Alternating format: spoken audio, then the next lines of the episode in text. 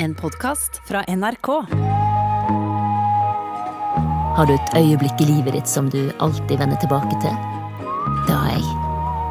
Noe du skulle ha sagt eller gjort, men aldri har våga? Det har jeg. I denne podkasten skal du få møte folk som sier det de aldri før har sagt, og som hopper ut i det de er aller mest redde for. Jeg heter Kari Hesthamar, og du hører på Usagt. Episoden du skal få høre nå, handler om Martin. Martin vokste opp som enebarn sammen med mora og faren, som var prest. De var stadig på flyttefot, dit faren sin jobb førte de. Faren jobba både som fengselsprest og feltprest i Forsvaret. Han var den du kunne snakke med om alt, og som forsvarte de svakeste. Men han hadde òg ei annen skjult side, som Martin aldri før har fortalt om. Vi var hjemme aleine, og pappa og jeg, og han eh, sier ganske plutselig at han eh, skal ta livet sitt. Året er 1984. Martin er 11 år. Faren 38. Ta fram pistolen. Stå med den. Kolt Colt 9 mm hånd, håndvåpen fra militæret. Jeg orker ikke mer, jeg skal skyte meg, hørte Martin faren skrike. Faren satt med våpenet i hånda. Han var major i militæret og hadde pistol hjemme. Jeg ble jo helt hysterisk. Det, det husker jeg jo var helt sånn panisk. Martin husker alt. Lukta av den grå linoleumen. Faren sin tunge pust gjennom nesa. Sollyset som kom skrått gjennom kjøkkenvinduet og lyste rett på veggen. Vi så jo Ullersmo landsfengsel fra vinduet, by the way, eh, som, som man burde vært fange på og ikke press på. Faren reiste seg brått og rusa mot kontoret sitt i enden av gangen. Presten sitt kontor. Så jeg løp etter han, og han løp inn på kontoret og smalt igjen døra. Og jeg kjempa med døra og, og hamra og banka, og han låste den på andre sida. Døra var så tynn. Laminert spon. Han hørte pusten hans. Kroppen hans som lente seg mot døra og gnissa. Bare ti centimeter fra hendene til Martin som sleit i døra.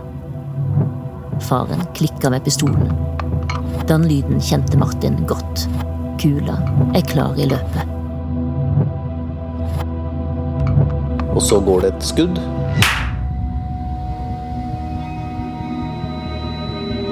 Faren detter inn mot døra. Det peip i ørene til Martin. Han kjente lukten av krutt gjennom nøkkelhullet. Han hørte faren skli langs døra og treffe gulvet. Martin blir helt kald.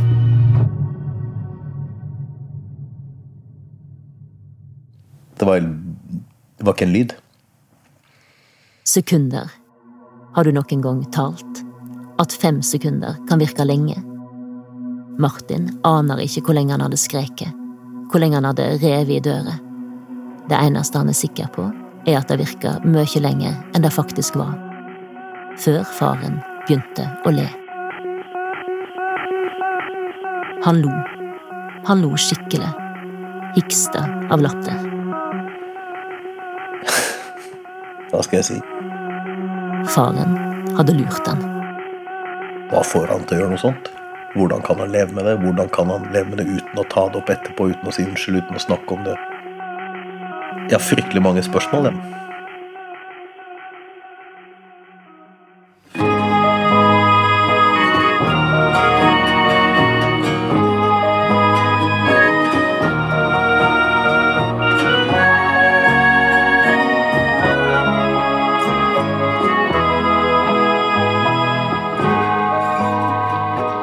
Jeg er veldig på jakt etter å finne noe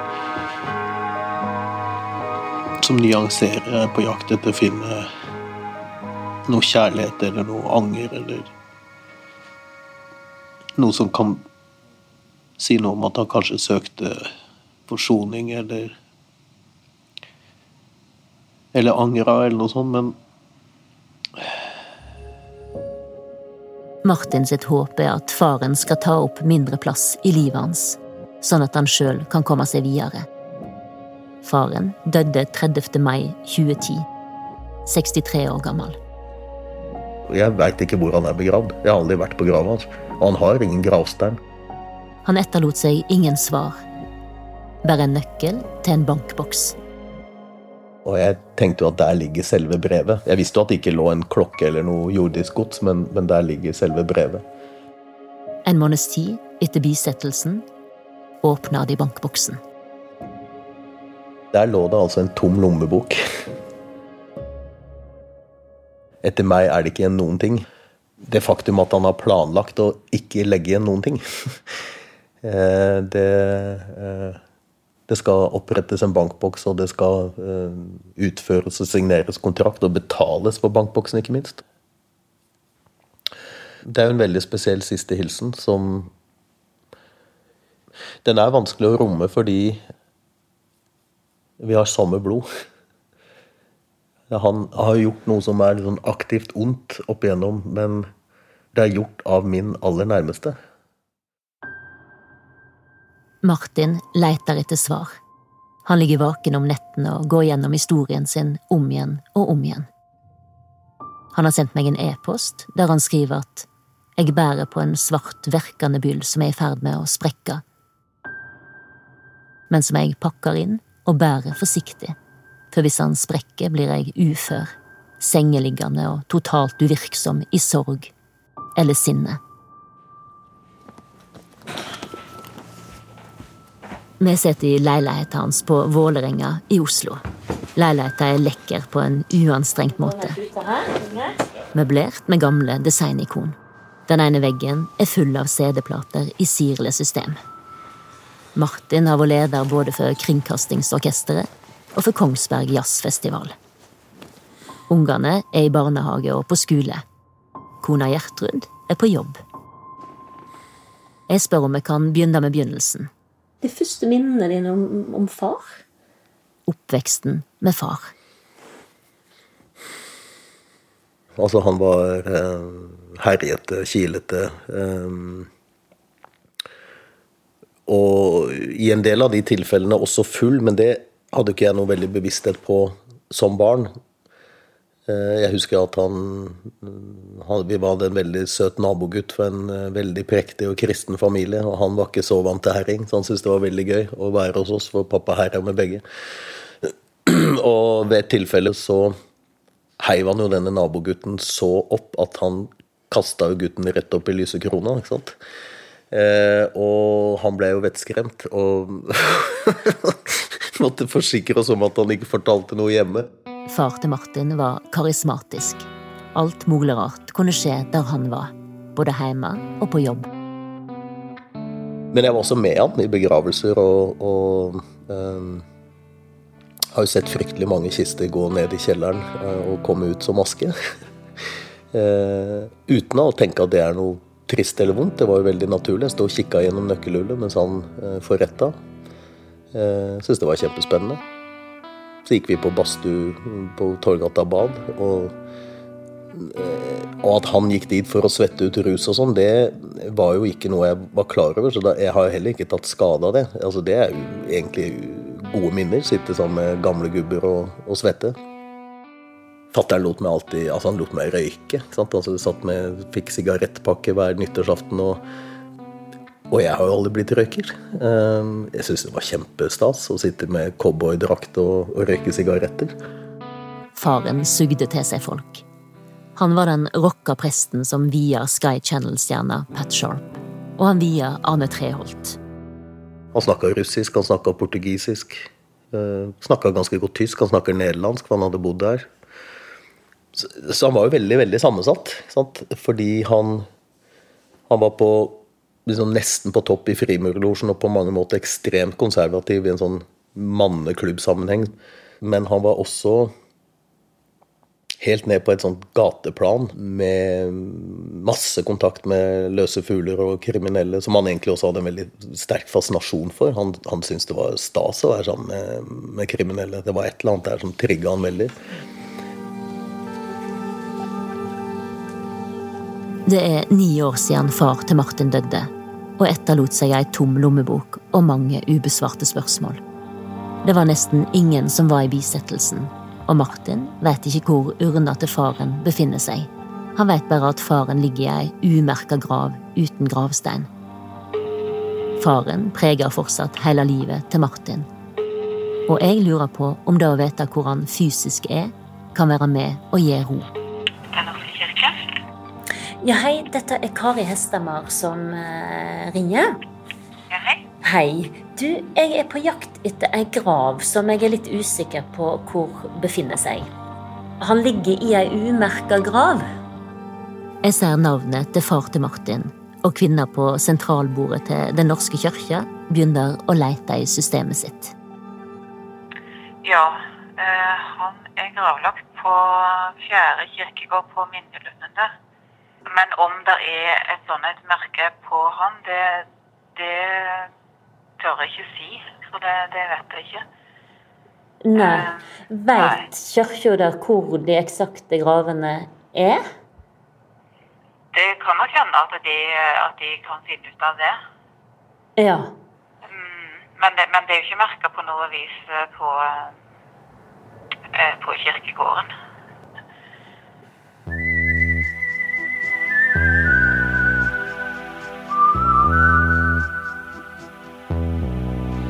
Fra jeg var eh, nesten fylt ti, så var det jo fritt fall. Fra, fra torsdag til søndag så var han full alltid, uten unntak. Faren mista mer og mer grepet og kontrollen over drikkinga. Rutinene hans hadde lyder, farger og lukter. Dagene fulgte ei fast spenningskurve. Torsdag var den store handledagen. To til tre flasker whisky.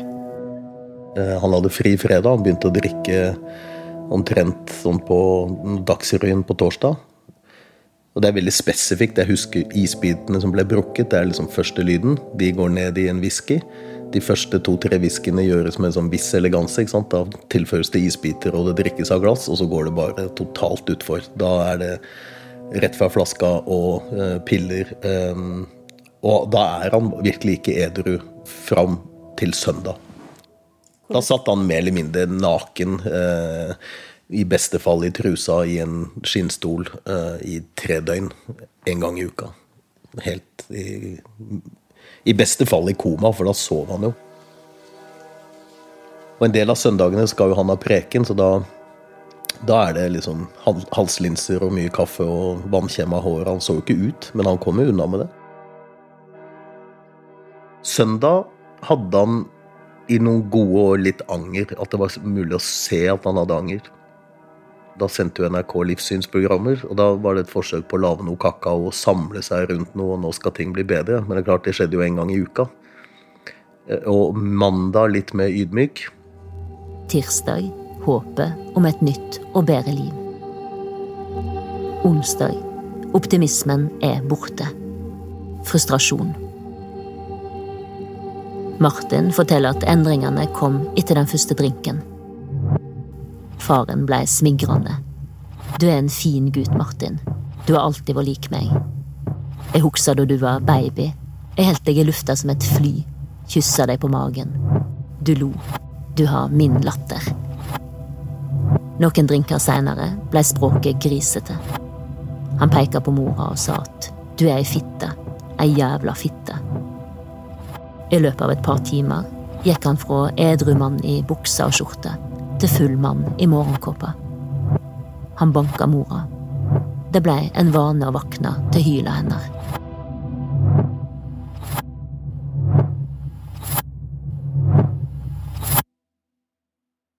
Ingenting av dette ble snakka om. eh? Og jeg fortalte det aldri til noen venner før det gikk så galt at det hadde blitt uh, rundhjult. sant? Det var første gang en kompis fikk vite om det. Men da var jeg nok borti mm, drøyt 15, mellom 15 og 16. Um, og og um, helsesøster oppdaga blåmerker på meg, uh, og hun var mistenksom. Det husker jeg. Det var ekkelt. Hun begynte å spørre meg ut og var veldig på. Eh, og jeg sa jo ikke noe. Fordi jeg skjønte at hun ikke helt trodde på meg. Men jeg var også sønn til presten. Det var ingen som visste at faren banka de. At han var full fra torsdag til søndag. at han gikk rundt i huset med våpen. Han skøyt ikke med skarpe skudd, men han skøyt jo stadig med løsskudd. Inn i soverommet vårt mens vi sov.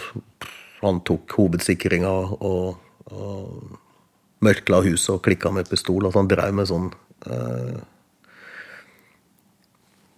krigslignende tilstander. Så mamma har blitt kraftig hersa med. Jeg husker at han reiv opp stingene på en, en, eh, hånd hun hadde operert og sydd. De skrikene glemmer jeg aldri. Hun gikk ikke til lege og fikk sydd det opp igjen. Hun gikk ikke til lege for å få sydd stinga på nytt. Hun gikk ikke til politiet for å anmelde ektemannen. Hun tok ikke med seg Martin og drog. Det er så lett å stå utenfra og si eh, Sånn skal man ikke finne seg i, og, og du skulle gjort ditt og datt. Men Men mamma har trodd at hun ikke er verdt noe uten han. Og hun er smart dame. Martin og moren deler samme historie. Martin ringer henne hver eneste dag, sjøl om han er 46 år. Det er hun som har vært hans menneske i livet. Sjøl om det at hun ikke klarte å ta Martin ut av heimen, er vanskelig for de begge. Hun har sagt at skallet hennes er så tjukt at hun ikke kommer gjennom til seg sjøl engang. Likevel tar hun imot oss i den vesle leiligheten hun leier nær Marka, og med utsikt over Oslofjorden. Og den utsikten Ja, utsikten er fantastisk. Mor til Martin er tynn, velstelt. Hun smiler når hun tar imot oss, og jeg ser at hendene hennes skjelver. Det er første gang de setter seg ned for å snakke om faren på denne måten. Vi snakker jo aldri sånn som vi gjør nå. Nei. Vi snakker jo aldri med et alvor om det. Eh, Det er ikke en bebreidelse, for det gjør jo ikke jeg heller. Og det det, det kommer ikke ut på den måten. Jeg, jeg blir jo uvel nå. Jeg blir urolig og kvalm og vondt i hodet og svimmel og Martin sitter i den ene enden av sofaen. Han er stressa og lener seg bakover med hendene beskyttende over brystet. Mora sitter i den andre enden. Hun er så sped, som en liten fugl med vengene folda rundt seg. Jeg, jeg trodde nesten ikke at jeg, hadde, at jeg hadde overlevd den siste tida. Fordi altså, da var jeg helt nedbrutt psykisk. Han eh, isolerte oss også, med vilje. Han fortalte at det var ingen av våre venner som ville ha noe med oss å gjøre lenger, med Martin og meg. Eh, De likte oss simpelthen ikke. Så- vi ble isolert, og vi hadde få, og jeg hadde ingen å, å, snakke med det om. Men jeg, jeg ser jo det i etterkant, og det er jo noe jeg angrer på, at ikke jeg gikk tidligere. Ja. Skulle gått flere år før.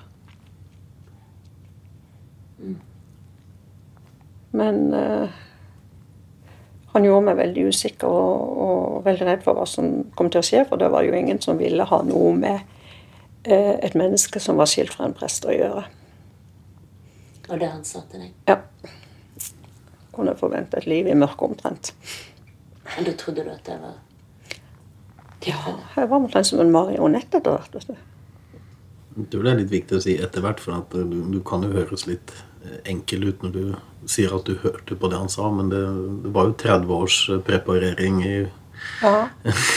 ja, men det ble det etter hvert. Så ble jeg fullstendig nesten viljeløs. For jeg orka ikke å ta igjen. Jeg husker jeg kunne gå på do, og så satt du og grein på, på do aleine. Så jeg husker at du var trist og skjulte. Eh, Jeg blir i hvert fall veldig uvel. Jeg klarer nesten ikke å tenke klart. Eh, Og bruker så mye energi på å ikke miste fatning. Og tenkte at det første jeg tenkte på, at det var vel sånn vi har levd òg, på noe vis. Eller i hvert fall jeg har levd. At det, jeg husker bare hvordan jeg sjøl har prøvd å klare meg. Jeg husker ikke så veldig mye annet. Jeg ble sittende og tenke på hvor aleine de har vært. At det ikke var noen der som hjalp de ut. Og på hvor skjult familievold ofte er.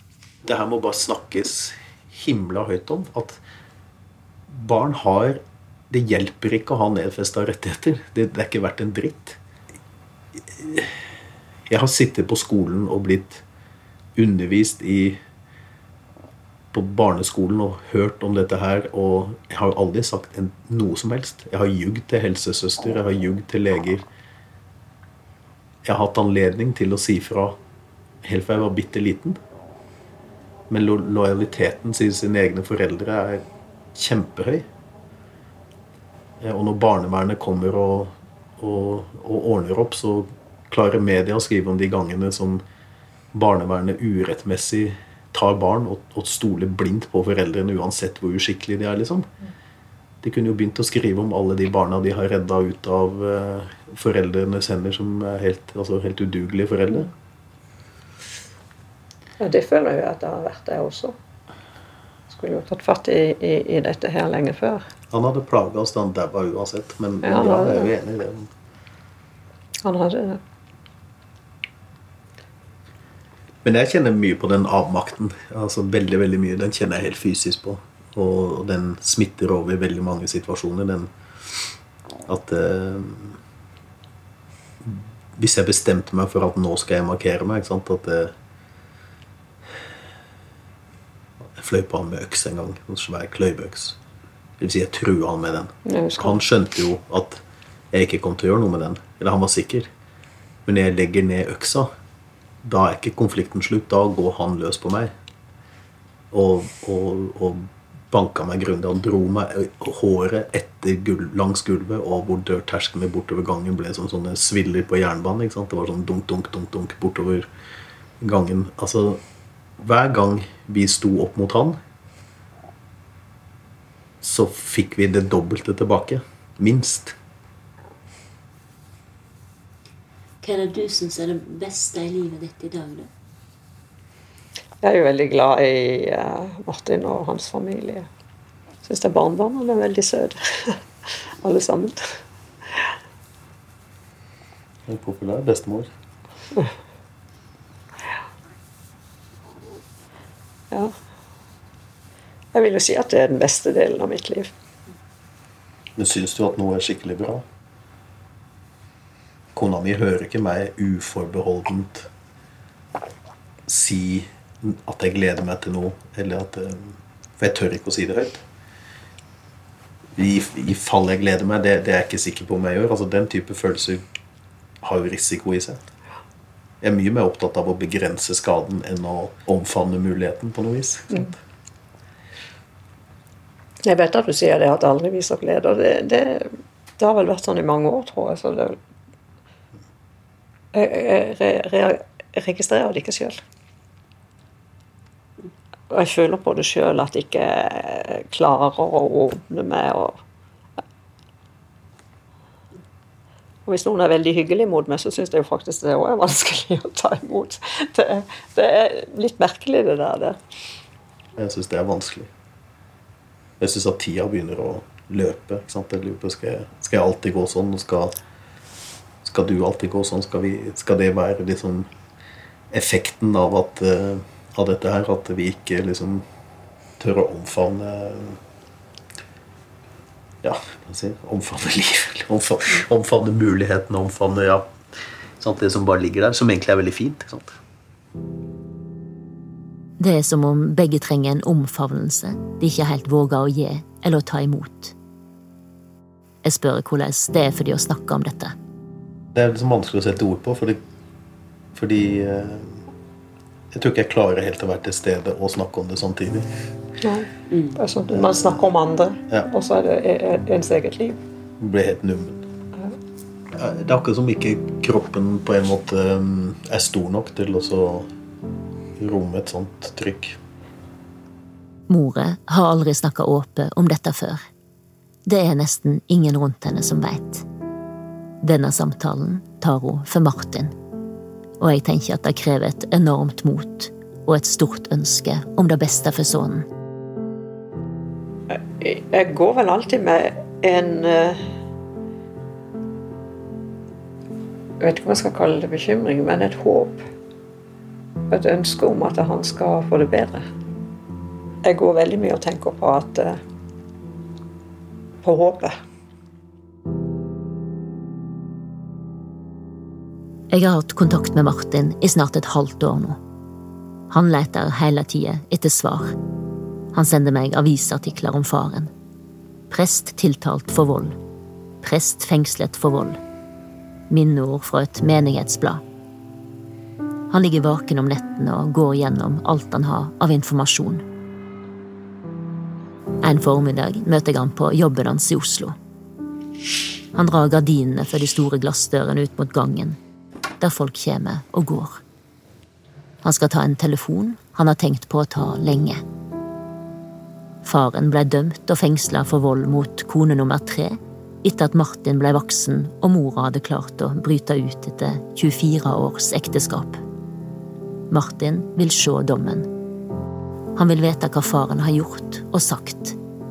For av og til er det nesten så han lurer på om han har opplevd det han har opplevd. Dette er skikkelig rart.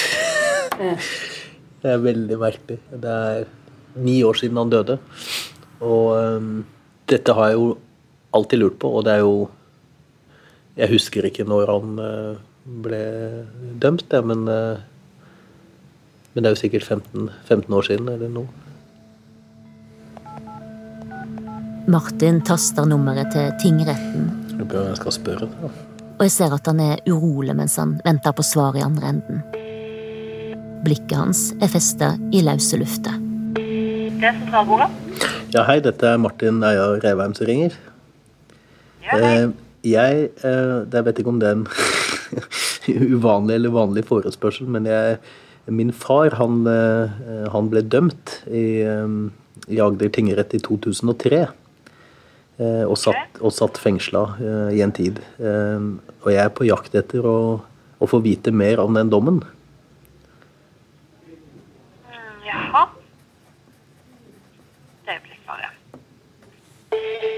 Martin blir satt videre fra den ene til den andre. Ja, hei, dette er Martin Eia Revheim som ringer. Til slutt får han svar. Dommen fins, og han får lese den. Jeg, jeg vil vel da kunne se hva han er dømt for ut fra det du har sendt, da. Ja, det vil du Ja, se. ja. Mhm. Ok, nei, men da, Ja. da skal jeg gjøre det. ok, takk. Greit. Ha det. Ha det. Dommen blir sendt over på e-post, og Martin begynner å lese på mobilen.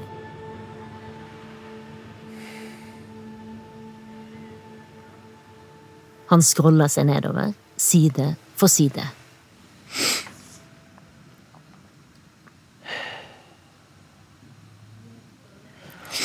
Det er det er jo ingenting som er nytt, men Det er forferdelig å lese. Det er ekstremt gjenkjennelig. Og Hva betyr det for deg å lese det?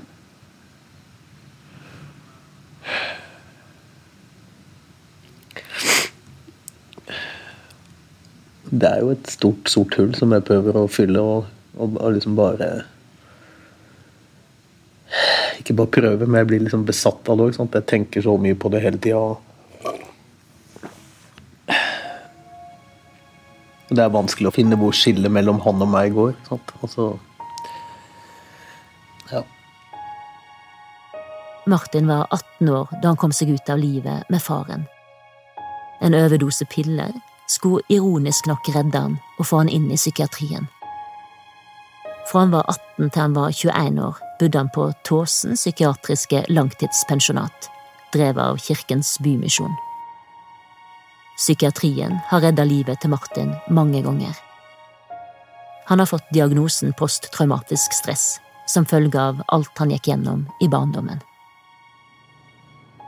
Jeg har veldig få opplevelser av ro og tilstedeværelse. Fryktelig mye uro og stress. Eh, og Og har vel innsett at jeg er ikke gjennom noe. Jeg er ikke ferdig med noe. Jeg, liksom, jeg har ikke en historie som har begynt med noe dritt, og så har jeg tatt et oppgjør og en kamp. og Jeg tror jeg må innse at jeg mest sannsynlig resten av livet kommer til å ha perioder hvor jeg trenger hjelp. Eh, I form av innleggelser, i form av et opplegg eller annet. da. Det kan bli trigga av ting som ikke er klar over sjøl engang. Kan sitte og se en film, og så kommer det så brått at jeg er ikke engang med i min egen prosess. Det, det, kommer helt akutt. Prosessen er ofte den samme. Det begynner med enda dårligere søvn enn normalt. Altså Jeg føler jo at rommet går rundt sin egen akse. Det er som å legge seg opp av stigende rus. Og tenke mer og mer negativt om alt. Altså absolutt alt. Jeg ser på hagen og er bare fokusert på ett et blad som har visna. Altså, da, da, er hele hagen ødelagt. Altså, kona mi kan høre meg si helt sånn absurde ting om at, at det er omtrent bare å flytte. Ikke? Altså, Vaskemaskinen går i stykker, og jeg opplever at livet rakner. Altså, det er virkelig ikke nyansert på noen måte. Jeg tenker veldig sånne knuste bilder. Ting er knust, ting er ødelagt. Ting er møkkete, skittent. Alt blir veldig sånn. Og, og det føles som jeg sitter sånn helt febrilsk og prøver å lime sammen masse masse små biter av en, en vase. Og etter hvert så oppdager jeg at det er ikke én vase som er knust, det er tre. Og jeg sitter og, og holder på med feil deler og får det ikke til. Han får ikke puslespillet til å gå opp. Brikkene stemmer ikke. Han leter etter svar, men det er ingenting som gir mening. Det vanlige livet med familie og jobb blir for vanskelig. Når han når bunnen, omtrent en gang i året, blir Martin lagt inn på psykiatrisk sykehus. Det, det, jeg trenger når ting er såpass alvorlig, det er bare å, å, få kjølt meg ned litt. Det betyr ikke at jeg skal være på sykehus i ukevis eller trenger det. Veldig ofte så er det en uke. Det, det er nok. Det er bare å få sparka fra i bånn og, og, liksom eh, få kjølt seg litt ned. Det er ekstremt oversiktlig å være på et sykehus og være innlagt. Og dessverre så har jeg det aldri bedre enn når jeg er det. Det er et faktum. Det er Trist, men sant. Og det handler jo om at det er så oversiktlig. Eh, jeg kan se alt rundt meg inne på ett rom. Jeg kan se tinga mine. Jeg har full oversikt. Jeg sover bedre. Mye, mye bedre. Føler meg tryggere. det, er, som å bli holdt rundt. Han veit aldri helt hvor lenge det varer. Ofte bare noen dager. Av og til lenger. Og da har jeg bare sendt SMS. Nå har jeg lagt inn. Eh, til sjefen min. Så så enkelt kan det også være når arbeidsplassen er god og, og, og folk rundt eh, er gode. Sånn at jeg er ikke redd for det min, på min egen arbeidsplass nå. Men jeg tar ikke for gitt at det er sånn alle steder. For det er så avstand mellom hva vi tør å mene noe om, og hva, og, og hva vi faktisk mener noe om. For Martin føles det nødvendig men òg som en risiko å fortelle åpent om noe han står midt oppi, og som ikke er tilbakelagt. Jeg er ikke sikker på om de tingene jeg sier nå, ikke kommer til å få konsekvenser. Jeg sitter og tenker på det hele tida. Jeg sitter og tenker på at folk vil vurdere meg annerledes. Det er tidlig september, en av de første dagene med skarp, klar luft, og du vet at nå er sommeren over. Men se her, det er idyllisk. Hester og Martin og jeg er på vei til Grimstad. Nei, kuer. Det veldig fint. Og har svinga inn på en smal vei med spredte bostadhus og bondegårder. Utrolig landlig. Et øyeblikk tror vi at vi har kjørt feil vei, men så dukker det opp et lite skilt. Ja visst. Her er vi, altså. Så åpner landskapet seg mot ei hvit kirke og en stor, grønn kirkegård. Han fikk et fint sted, da.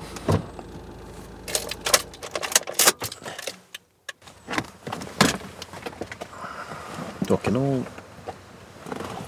Nei, jeg skal kanskje ikke ha tyggisen. jeg skal prate uansett. Bare litt tørr i kjeften. Martin begynner å bli synlig stressa. Jeg har en vannflaske som ikke har drukket av. så du kan... Å, takk. Jeg har gått og lurt på den grava helt siden han døde. Det er veldig mm, sprøtt. Men den her På Modum så ligger det sånn fat med steiner og sånne taggete stressballer og alt i alle terapirom. Sånn at du har noe å fikle med. Og jeg fikler mye med ting. Sånn at jeg ble skrevet ut fra Modum, så tok jeg med meg en stein fra det fatet. Og den lå i denne jakka eh, i dag. For den har jeg ikke hatt på meg på lenge. Hei. Er det deg jeg har snakket med? Hei. Hei. Kirketjeneren bryter av lunsjen sin for å vise oss veien. Vi skal opp der. I stedet for å gå mot kirkegården blir vi til vår overraskelse ledet inn på en sti som går inn mot en liten skog, i motsatt retning av der kirka ligger. Her oppe har vi det vi kaller for Navna minnelund. Eh, og det er altså et felles gravminne. Og så blir urnene satt ned i bakken i området rundt. Nå skal dere få se. Etter en liten spasertur åpner skogen seg, og vi ser rett mot et stort minnesmerke i marmor og granitt, med mange små messingskilt med navn på. Jeg veit ikke hvem som ligger her, og hvorfor de ikke ligger på den andre store kirkegården. Hva som er historiene bak navnet. Skal vi se om du finner den igjen her. Vi ser det nesten med en gang. Er den ikke, er den ikke der? Navnet til far til Martin står nesten øverst på den midterste rekka av små skilt.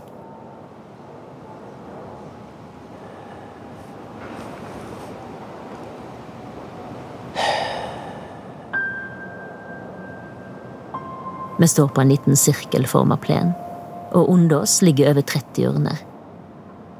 Det er bare en plen, og ingen av urnene er merka i bakken. Uten at han veit det, står Martin omtrent rett oppå faren. Den står på, på rekke to, plass én. Altså her. Jeg setter meg litt. Martin setter seg ned på en benk og legger hendene framfor ansiktet.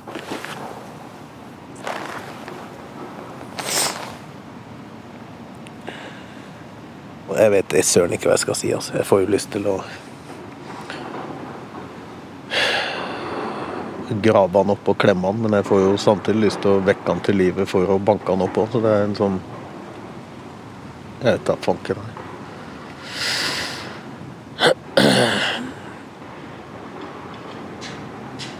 Hvordan ser det ut i forhold til det du hadde tenkt? Nei, jeg vet ikke. Jeg, jeg har ikke klart å forestille meg det. Jeg, jeg syns det er veldig mye mer vanskelig enn jeg hadde tenkt. Jeg, jeg vil bare vekk. Jeg vil stikke vekk og, og knuse noe. Jeg har lyst til å legge igjen noe. Jeg angrer på at jeg ikke kjøpte noe.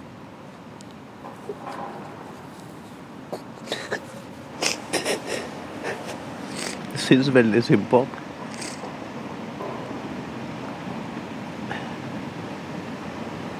Jeg syns synd på at han ligger her og ikke har en stein og ikke Ikke folk som kommer og steller med savn. Men jeg er samtidig fly forbanna. At jeg er jo mye mer knytta til han enn jeg greier å ta innom meg. Men jeg Ja, det er nok det. Jeg er jo ikke bare sinna på han. Ikke sant? Jeg har et voldsomt sug. Og uansett Altså, jeg kom jo alltid når han ringte, eller Jeg hadde jo lyst til at han skulle anerkjenne meg eller trenger meg og alt det der. Martin reiser seg og tar den lysegrå steinen ut av lomma. Steinen fra Modum psykiatriske sykehus. En sånn stein som du kan stryke mjukt mot kinnet, og som er helt glattslipt av bølger og natur. Jeg legger ned steinen. Det Da har jeg med meg noe.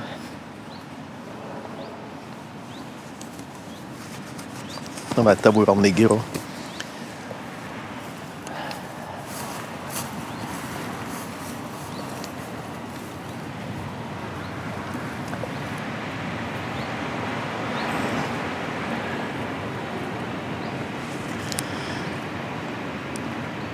Foran litt natur.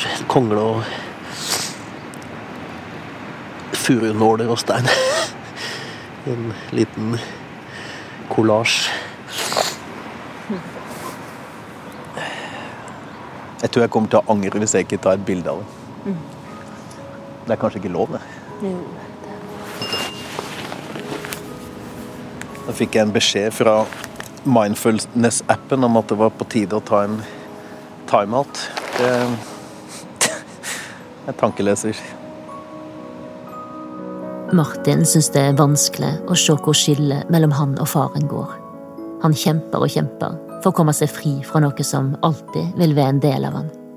Jeg vet ikke hva som skal til for å klare å slippe taket, sånn at fortida tar mindre plass, og alt det fine som fins her og nå, kan få større plass. Men Martin har brutt arvesynden ved å være en annen enn far sin, og ved å sette ord på det, sånn at andre vet at de ikke er aleine. Den siste gangen Martin så faren, var på et hybelhus. En hvit, nedsliten bygning med røde stofflamper i vinduene, fulle av støv. Flere av dørene hadde spor av desperate innbruddsforsøk. Bare halvparten av lysstoffrøra funka. I gangen passerte Martin en mann. Noen meter borti gangen stoppa mannen, snudde seg og sa Martin? Det var faren. Jeg kjente deg ikke igjen, sa Martin. De gikk inn i den vesle leiligheten hans. To små rom. Og den lille senga han hadde, den lå liksom inntil kjøkkenbenken. Og så hadde han eh, på et eller annet eh, mirakuløst vis hatt penger til å kjøpe seg et eh, elektrisk piano. Og lånt, tror jeg, et trekkspill. Martin har med seg et lite kamera med filmfunksjon på, og begynner å ta opp. Faren sitter ved et piano framfor en vegg med mørkerød, blomstrete tapet, som ser ut som en vegg i et staselig teater. Jeg har gått og tenkt at han sang 'Har en drøm' av Jørn Hoel. Men på en måte så har jeg tenkt at det er for godt til å være sant. At han sang den sangen. Eh, og at han liksom på en måte henvender seg til, til meg og synger den sangen.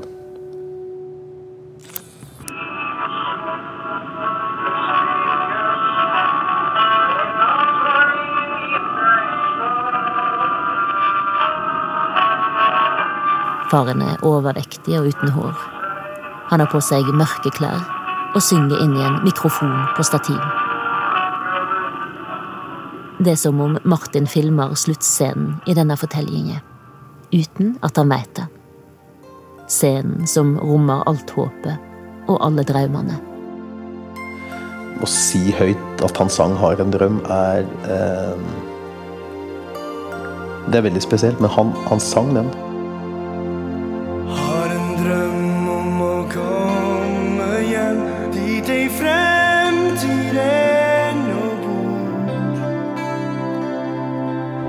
Har en drøm om å finne frem over ei mørklagt jord.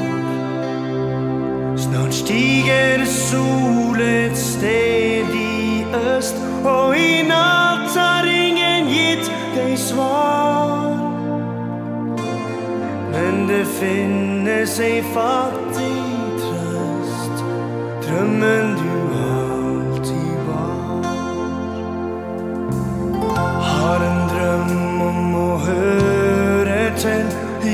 i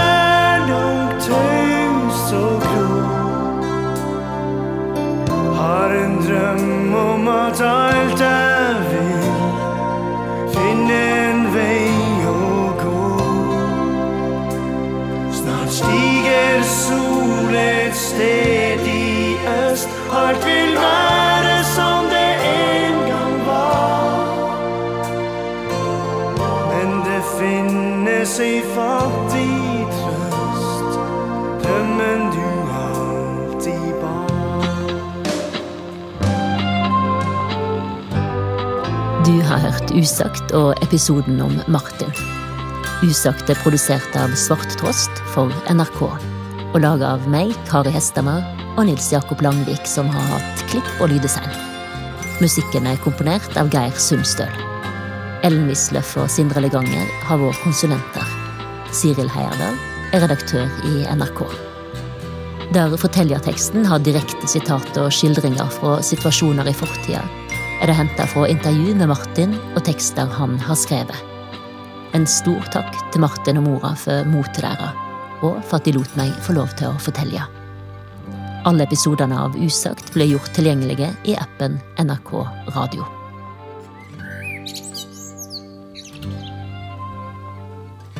Du har hørt en podkast fra NRK. Hør flere podkaster og din favorittkanal i appen NRK Radio.